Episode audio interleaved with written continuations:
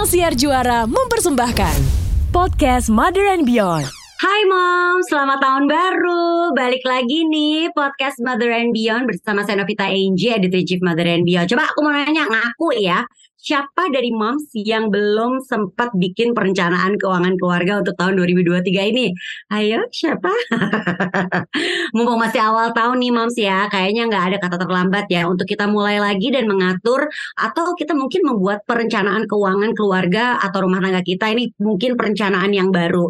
Jangan sampai kesalahan terjadi dalam mengatur keuangan keluarga yang mungkin kesalahan yang pernah dibikin tahun lalu atau dua tahun lalu atau tahun-tahun sebelumnya terjadi terjadi lagi di tahun ini. No, no, jangan sampai. Nah, gimana caranya nih menata atau mengatur keuangan keluarga biar pengeluaran kita juga tetap bisa terkendali di tahun ini. Di tengah isu resesi ekonomi dunia tahun ini nih, walaupun update-nya katanya Indonesia sih nggak termasuk negara yang akan mengalami resesi ya, tapi tetap aja moms kita harus mempersiapkan atau mengantisipasi nih soal keuangan keluarga kita. Nah, paling pas nih kalau kita ngomongin soal keuangan keluarga, kita ngobrol-ngobrol sama ahlinya nih, sahabat saya Prita Hapsari Gozi, Principal Consultant dan CEO Zap Finance. Nah, kita ngobrol-ngobrol sama Prita yuk untuk cari tahu gimana mengatur keuangan keluarga dan menghadapi tantangan ekonomi di tahun ini. Hai Prita, apa kabar? Hai Angie, halo juga untuk semua moms tahun baru nih ya Prita. Biasanya memang kita menjadikan momentum awal tahun ini untuk memulai sesuatu yang baru ya kan? Apalagi nih kalau kita ngomongin soal keluarga urusan keuangan keluarga ya nggak sih? Apalagi kan biasanya tahun baru nih siap-siap nih nanti di bulan Juni Juli anak-anak kita mungkin ada yang masuk sekolah tahapan SD, SMP, SMA atau kuliah ya kan macam-macam nih. Nah, aku juga mau info juga nih sama mom semuanya, sama Prita juga nih kalau hari ini kita juga nanti akan membacakan, akan bukan cuma membacakan, tapi kita akan mendengar langsung pertanyaan-pertanyaan dari beberapa moms. Tapi Prit, yang aku mau nanya dulu nih Prit, sebenarnya seberapa penting sih kita membuat perencanaan keuangan keluarga dan apakah kita bisa menjadikan momentum awal tahun atau tahun baru untuk kita membuat plan baru nih dalam keluar perencanaan keuangan keluarga? Ya, jadi basically itu jurnal dan penelitiannya tuh udah banyak banget Ji mengatakan bahwa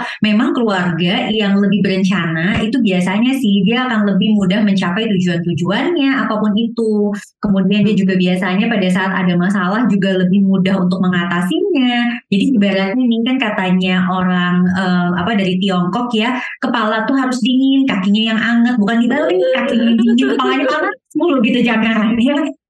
Oke oke oke oke. Ternyata kalau perencanaan keuangan itu berjalan dengan baik, itu kita bisa tuh mengambil keputusan-keputusan dengan istilahnya tuh kepala dingin. Jadi semuanya tuh tidak hanya based on emosi semata. Dan yang terakhir, biasanya kita juga lebih mudah nih untuk melakukan uh, kira-kira tuh kayak hitung-hitungan. Kan kadang-kadang yang namanya moms tuh juga ada momen-momennya ya Ji. Misalnya aku mau berhenti kerja dulu atau misalnya aku mungkin mau uh, berkurang dulu nih aktivitinya karena mungkin anakku butuh untuk ditemani lebih banyak atau ada masalah keluarga yang membutuhkan perhatian kita. Kita tuh jadi lebih bisa menghitung. Sebetulnya kita bisa mampu nggak sih untuk melakukan itu semua? Nah, kalau kita memiliki rencana keuangan. Jadi untuk uh, bahasa singkatnya, penting nggak sih? Jawabannya super penting.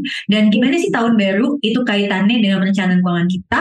Basically, kalau di bulan Januari itu memang enak banget ya untuk start yeah. something new karena hitungnya tuh gampang gitu loh. Kita kan kebiasa banget ya untuk melihat sesuatu Januari sampai Desember, terus nanti kita evaluasi di Desember. Jadi momen di bulan Januari ini tuh jadi uh, mudah gitu loh banyak keluarga. Kita jadi momentum sebenarnya ya awal tahun itu ya sebenarnya kan ya walaupun sebenarnya kita tahu juga perencanaan keuangan juga bisa kapan aja ya kan. Apalagi kita tahu ternyata buat yang mau masuk sekolah kan orang kiri gini masuk sekolah tuh bulan Juni. Berarti kita persiapannya dari bulan Mei aja kali. Eh enggak loh dari September tuh udah persiapan loh untuk masuk sekolah ya kan. Nah, ini mohon maaf lahir dan batin ya. Saya udah dapat surat cinta dari bulan Desember kemarin, please deh. Kan Rita Gozi kan anaknya satu mau masuk SMA, satu kuliah. Aduh tolong. Sama aku juga udah dapat surat cinta nih buat anak aku yang kecil nih udah untuk urusan-urusan kuliah ya udahlah ya mari kita tuntaskan. nah, Prita, katanya nih di dalam rumah tangga kita tuh pengen tahu nih jadinya sebaiknya istri atau suami sih yang mengatur keuangan karena kata sebuah studi yang dipublish di Journal of Marriage and Family katanya perempuan yang paling jago pengelolaan uang daripada laki-laki. Apakah benar seperti itu? Jadi memang penelitiannya sih benar bahwa most of the perempuan itu lebih mahir dalam mengelola uang. Tapi kan bahasa most itu tidak 100%. Artinya Ah, ada dalam keluarga yang faktanya suaminya lebih jago gitu loh. iya, iya, Nah, ciri-cirinya apa sih? Pertama, biasanya perempuan itu lebih jago ngatur keuangan kalau dia tuh memang paham betul nih dengan eh, hal-hal seputar keuangan. Kayak contoh dia paham tentang aset investasi, dia mengerti oh, bagaimana membuat pilihan-pilihan, dia mengerti bagaimana menghitung, bagaimana mengevaluasi. Artinya dia udah lebih jago. Terus yang kedua, biasanya perempuan yang lebih mahir dalam mengelola keuangan tuh dia terbiasa punya laporan Ji. Jadi bukan cuma sekedar suka dikasih duit aja, tetapi every uh, end of month itu dia tuh punya report gitu. Jadi kayak gimana sih kayak kita laporan ke presiden gitu kali ya, gitu kita menteri keuangan gitu kan kita laporan dong gitu dan di awal kita juga udah mencanangkan APBN kan, anggaran penerimaan dan belanja rumah tangga lah kalau kita di APBR gitu. Terus di akhirnya kita tuh kasih uh, pertanggungjawaban gitu, apa yang udah dikasih, Hmm. uh, apa yang masuk ke keluarga dan udah dapat menjadi apa saja. So sebenarnya itu dua tuh indikator yang menunjukkan kalau memang kita tuh sanggup menjadi orang yang mengelola keuangan lebih baik. Kalau Yes. perkara boros nggak boros itu sebenarnya sifat. Jadi kalau kita Ah, harus bedakan iya. antara yang namanya sifat dengan keahlian. Jadi bisa loh ada orang yang boros tetapi dia ahli banget dalam mengelola keuangan. Jadi Oh. dia membuat solusi untuk keborosannya dengan membuat satu rekening khusus yang bisa disebut dengan post planning untuk eh, dihamburkan Ah, istilahnya hura-hura memenuhi- ya. ya, memenuhi keinginannya dia. Eh, oh cakep cakep.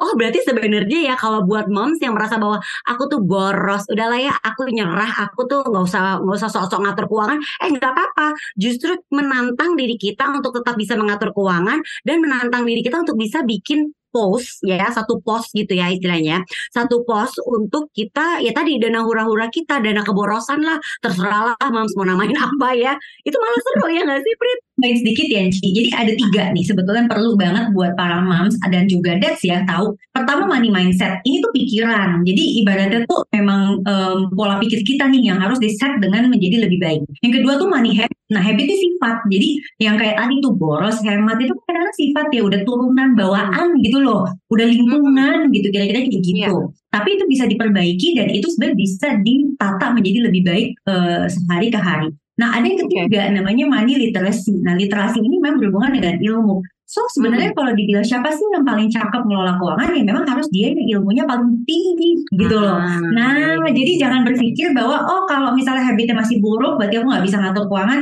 Bisa.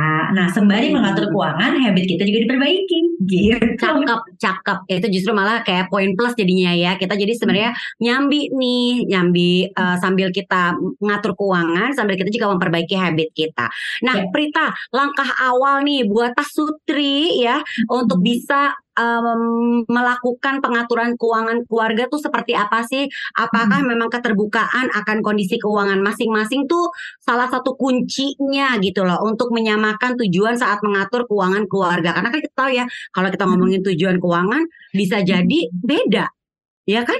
Betul. itu kan berarti harus disamain dulu ya nggak sih Prit banget. Jadi eh, sebenarnya banyak ya yang harus dipikirin, tapi aku coba kelompokin tiga yang paling utama banget nih. Ya, yang ya, pertama itu sebetulnya adalah komunikasi. Kalau kita tidak punya komunikasi dengan pasangan kita, mau sampai kapan pun kita nebak-nebak. Kita mungkin punya asumsi.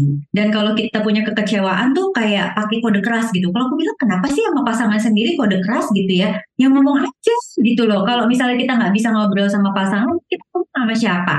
pasti kan ada lah either mungkin zaman dulu ya dear diary gitu ngapain diary ngomong aja sama pasangannya aku selalu bilang kayak begitu nah kemudian yang kedua yang penting banget itu adalah em, sebetulnya bagaimana kesepakatan dalam rumah tangga itu dalam hal siapa sih sebetulnya yang membawa masuk nih penghasilan dari bekerja ke dalam rumah tangga dan berapa Hmm. banyak karena kalau kita ngomong eh, siapa aja bisa aja dua-duanya. Tapi pada saat ngomong berapa banyak berapa sih yang kamu rela kasih ke rumah tangga Ah. dari penghasilan kamu? Istilahnya kan kayak gitu. Karena ada orang yang mungkin relanya cuma setengah Iya, ada iya, yang iya. 75 ada 80 dan kita nggak bisa salahkan gitu. Itu Yes. bukan sesuatu yang untuk diperdebatkan. Dan yang terakhir yang penting banget itu sebetulnya tadi menentukan siapa yang menjadi manajer keuangan dalam rumah tangga Karena kalau kita tidak menentukan siapa manajer, ya berarti ada dua matahari kan di rumah gitu. Nanti gimana nih istilah-istilahnya itu evaluasi dalam pencapaian financial goals tersebut. So itu tiga hal tuh ya. Yang pertama tadi um, adalah komunikasi, yang kedua adalah gimana kesepakatan pembagiannya, dan yang ketiga siapa manajer keuangannya. Hmm. Oke, okay balik sedikit ya Prita ya ke poin ke nomor dua tadi soal kesepakatan. Berarti semua ini juga harus diomongin di awal dong. Agak sulit nggak sih kalau tiba-tiba di pertengahan setelah menjalankan pernikahan sekian lama, tiba-tiba baru baru mau eh kita bikin begini ya tanpa kesepakatan di awal akan lebih baik di awal kali ya berarti ya Prit ya. Nah, sebetulnya lebih baik di awal tuh iya Ji, tapi kita juga nggak bisa hmm. pungkiri Ji yang namanya hidup tuh dinamis. Maksudnya gini, iya iya mungkin idealnya gitu ya, yang penghasilan terbesar tuh didatangkan oleh pasangan pria, misalnya gitu. Hmm. Tapi kan kita nggak tahu yang namanya rezeki orang ya Ji. Iya Kadang-kadang mungkin di satu momen, oh ternyata yang rezeki lagi banyak banget malahan istrinya, misalnya iya, gitu. Iya, iya, Jadi iya, artinya segala sesuatu tuh bisa dinamis, bukan berarti hmm. kalau udah ya kita sepakat di awal seperti itu, jadi saklek terus menerus seperti itu. Hmm karena kehidupan kita pun juga dinamis, kadang-kadang juga ujian hidup tantangannya juga beda-beda. So aku hmm. akan suggest betul lebih baik semua diobrolin di awal supaya pada saat memulai itu tuh nyaman dan enak. Tapi okay. bukan berarti kita jadi kaku dan saklek dengan pokoknya. Ya, ya, ya, ya, ya. Oke. Okay. Kalau udah ngomongnya pokoknya, itu sepertinya udah ketutup gitu loh komunikasinya udah gak jalan sih dan kalau komunikasinya nggak jalan kemungkinannya juga rendah tuh untuk mencapai financial financial goals yang udah kita tetepin. Oke, ini perlu kita ingat ya.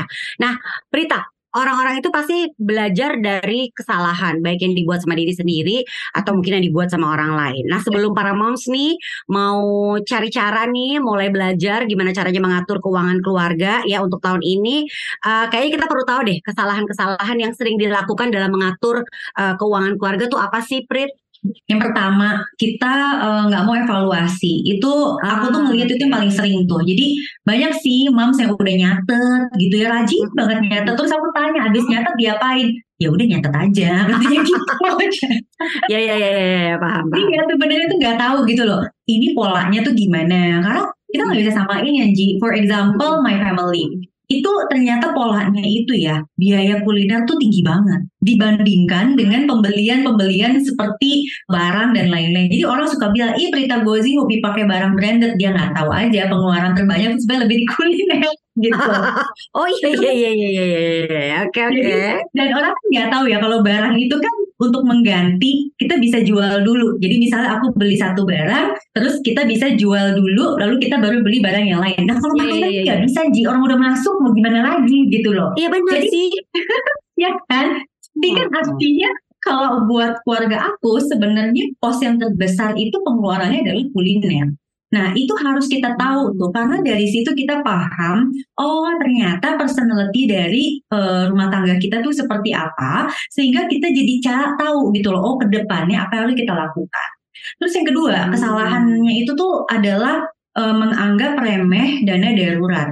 Jadi banyak banget yang merasa bahwa ah ya udahlah gitu ya hidup mm -hmm. tuh kan jalanin aja Tuhan tuh pasti baik sama kita ya iya mm -hmm. tahu Tuhan pasti baik sama kita ya kadang saking baiknya Tuhan udah kasih kita duluan kitanya lupa ya jadi barang gitu kan kadang giliran, giliran ada ujiannya malah kita nggak punya um, apa namanya uh, aset yang untuk menutup tersebut. Nah kalau udah berkeluarga itu nggak bisa lagi pola pikirnya seperti waktu kita single dulu Ji jadi yeah, yeah, yeah, yeah, berkeluarga itu yang akan uh, impacted kalau ada segala sesuatu tuh banyak gitu loh bisa pasangan kita bisa anak dan lain-lain. So dana darurat itu tolong deh kalau udah berkeluarga harus jadi motivasi utama. Dan yang terakhir aku juga ngeliat ya banyak banget kesalahan di dalam rumah tangga. Itu tuh uh, karena mungkin tinggalnya di area kompleks atau mungkin uh, sekolah itu sering membanding-bandingkan. Gitu. Oh, ya itu ya eh, aku temukan di uh, keluarga-keluarga muda terutama. Apalagi kan sekarang banyak era media sosial ya kita nggak bisa pungkirin. Itu akhirnya kita jadi kadang membelanjakan sesuatu bukan yang benar-benar kita mau atau kita butuhkan. Mm-hmm. tetapi karena untuk mengikuti norma-norma uh, society nah itu bahaya iya, iya, itu iya. gak sadar banget loh uangnya itu cepat habis kayak begitu FOMO, Prita, istilahnya ya nggak sih? Kita kan Betul. nggak pengen ketinggalan sama yang lain, sama eh, ibu-ibu di sekolah, sama tetangga kita gitu kan. Ini nih yang harus bisa. Jiwa FOMO tuh kayaknya kadang-kadang perlu pengaturan juga, nggak semuanya juga kita harus fear of missing out ya nggak sih, Prita? Tuh, tapi faktanya memang susah Henji, gitu ibarat semua orang pada bikin pesta ulang tahun, kayak kalau kita nggak bikin pesta ulang tahun kayak aneh gitu misalnya. Iya iya benar benar benar benar benar. Oke, Prita, gimana caranya nih kita ngatur keuangan keluarga yang bijak supaya kita tuh pengennya kan keuangan keluarga itu pengeluaran tuh terkendali gitu. Kalau kita tuh punya konsep atau pola saklek dalam mengatur keuangan tuh boleh nggak sih gitu apa atau harus seperti apa sih Prita? Oke, jadi sebenarnya paling pertama nih yang um, penting banget untuk kita lakukan adalah membuat anggaran. Itu tuh penting banget, bikin Hmm, anggaran tuh oke, super penting. Kalau nggak suka nulis dan lain-lain nggak apa-apa, tetapi Hmm. paling nggak kita tuh udah bikin pos-posnya dibagi minimal jadi tiga. Aku tuh Iya. sering banget ya di Z Finance tuh kita pakai tiga ini adalah post living, post saving, post playing. Jadi kalau kita bukan tipe orang yang detail, ya udah tiga itu aja. Jadi pastikan kita membagi keuangan kita itu ada yang untuk biaya hidup, aku sebutnya post living, biasanya itu 50% of our income. Lalu harus ada yang memang mampu kita tabung dan investasi, itu namanya Iya. saving. 30% of our income, 30%. Lalu sisanya itu tadi aku bilang playing, 20% of our income. Nah biasanya nih Ji, susah saklek kalau ada pinjaman. Jadi masih ada cicilan. Kayak gitu tuh agak susah nih saklek. Karena cicilan itu pasti akan memakan pengeluaran kita yang cukup besar. Jadi kalau saat ini masih banyak cicilan, aku bilang nggak apa-apa selama cicilannya tidak melebihi 30% dari penghasilan kita. Biasanya nanti yang akan dikorbankan terlebih dahulu tuh ya savingnya pasti berkurang, lalu playingnya juga harusnya berkurang. Lalu yang kedua, setelah membuat anggaran, itu kita harus sepakat dulu nih sama pasangan, oke ini ya anggaran yang mau kita lakukan, baru kemudian kita pilih, oke kita mau pakai rekening apa. Jadi misalnya uh, untuk yang saving, aku mau pakainya reksadana, atau enggak ah, aku mau pakainya emas. Nah udah sepakat aja, karena setiap aset itu rekeningnya akan berbeda-beda. Rekening Hmm. misalnya untuk reksadana ya namanya rekening investasi. Kalau emas ya berarti mungkin tabungan emas. Jadi macam-macam gitu. Bebas aja, Iya. nggak nggak harus saklek seperti itu, tapi harus dipilih. Terus yang terakhir, pada saat kita mau berutang atau mengambil pinjaman, kalau kita udah punya tanggungan, kita tuh bener-bener harus milih banget apa yang mau kita utangin.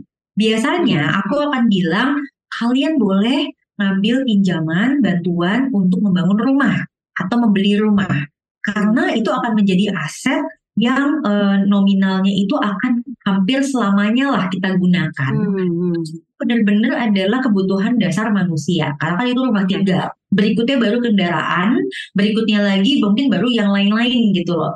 Artinya Hmm. kalau kita udah nggak single lagi, maka pola Ya. pikir kita juga harus berubah. Karena pinjaman-pinjaman yang kita ambil itu bisa diwariskan. Betul.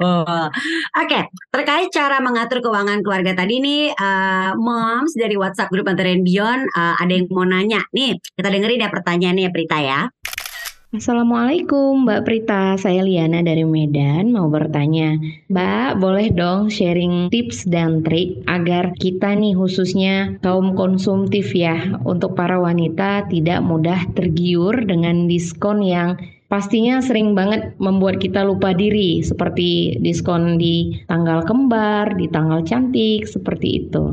Terima kasih Jadi Mam Lena tuh minta tips dan trik agar kaum konsumtif tidak mudah tergiur dengan hadirnya diskon-diskon.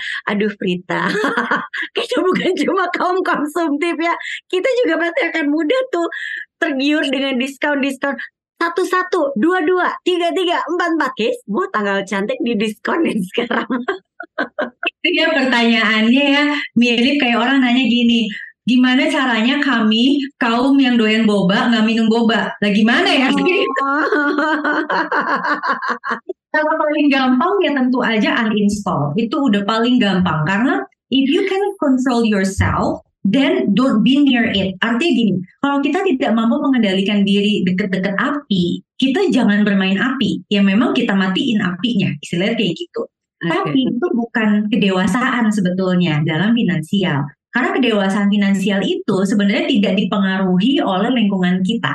Jadi kalau benar-benar mams ini nggak sanggup gitu ya ngatasin apa, jadi misalnya nih mau tidur aja Ji, itu aku sering banget dapet bilang, Mbak aku lima menit sebelum tidur aja check out katanya, "Nggak, aku lima menit sebelum tidur kayaknya pak balut Hmm. uang ya dia check out gitu kan. jadi memang, memang apa kebiasaannya iya, banget. Nah, itu berarti satu adalah uninstall. Kedua, kalau udah mulai bisa dewasa, bagus. Aku akan bilang, nggak apa-apa shopping. Tapi memang udah punya satu rekening khusus yang aku sebutnya post playing. Nah ini dia nih cara Hmm. punya satu situs favorit kita, apps favorit kita buat belanja, lalu kita sambungkan dompet digitalnya ke situ. Dengan kata lain, Moms hanya boleh shopping dengan berapapun uang yang Moms taruh di play. Hmm. Jadi Iya, kalau iya, iya. ternyata jatahnya udah habis, nggak boleh tuh klik pay later. Nggak boleh. Ah, iya itu bahaya loh. Nggak boleh ya. Nah, masalah baik. fiturnya gitu. Jadi ya udah kita nggak boleh. Jadi kita yang mesti disiplin. Aku bisa bantu gimana caranya, tetapi kamu harus disiplin. Yang ketiga, kita juga bisa memanfaatkan yang kayak koin-koin rewards dan lain-lain untuk at Hmm. least mengurangi uh, jumlah pembelanjaan yang kita lakukan, yang kita bayarkan gitu. Hmm. Atau kayak saya nggak punya karena takut. Yang nomor satu kan itu berarti udah uninstall. Kalau aku Aku takut soalnya, Prit.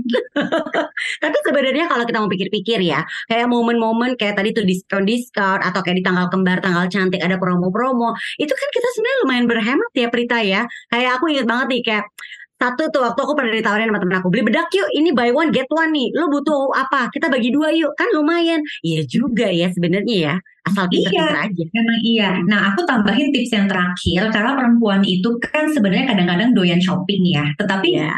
kadang shoppingnya juga bukan buat dirinya dia. Makanya adalah muncul eh, apa eh, job eh, sekarang tuh personal shopper. Jadi kalau emang kita hobinya browsing dan shoppingnya, kita suka tuh perasaan itu, ya udah jualan aja Bener gitu. juga. Lumayan tuh dapat penghasilan. Oke, berikutnya aku mau baca pertanyaan dari Mom Yemi.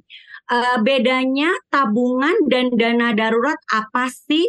Terus idealnya berapa persen dari pendapatan kita per bulan yang harus disisihkan untuk dana darurat tersebut?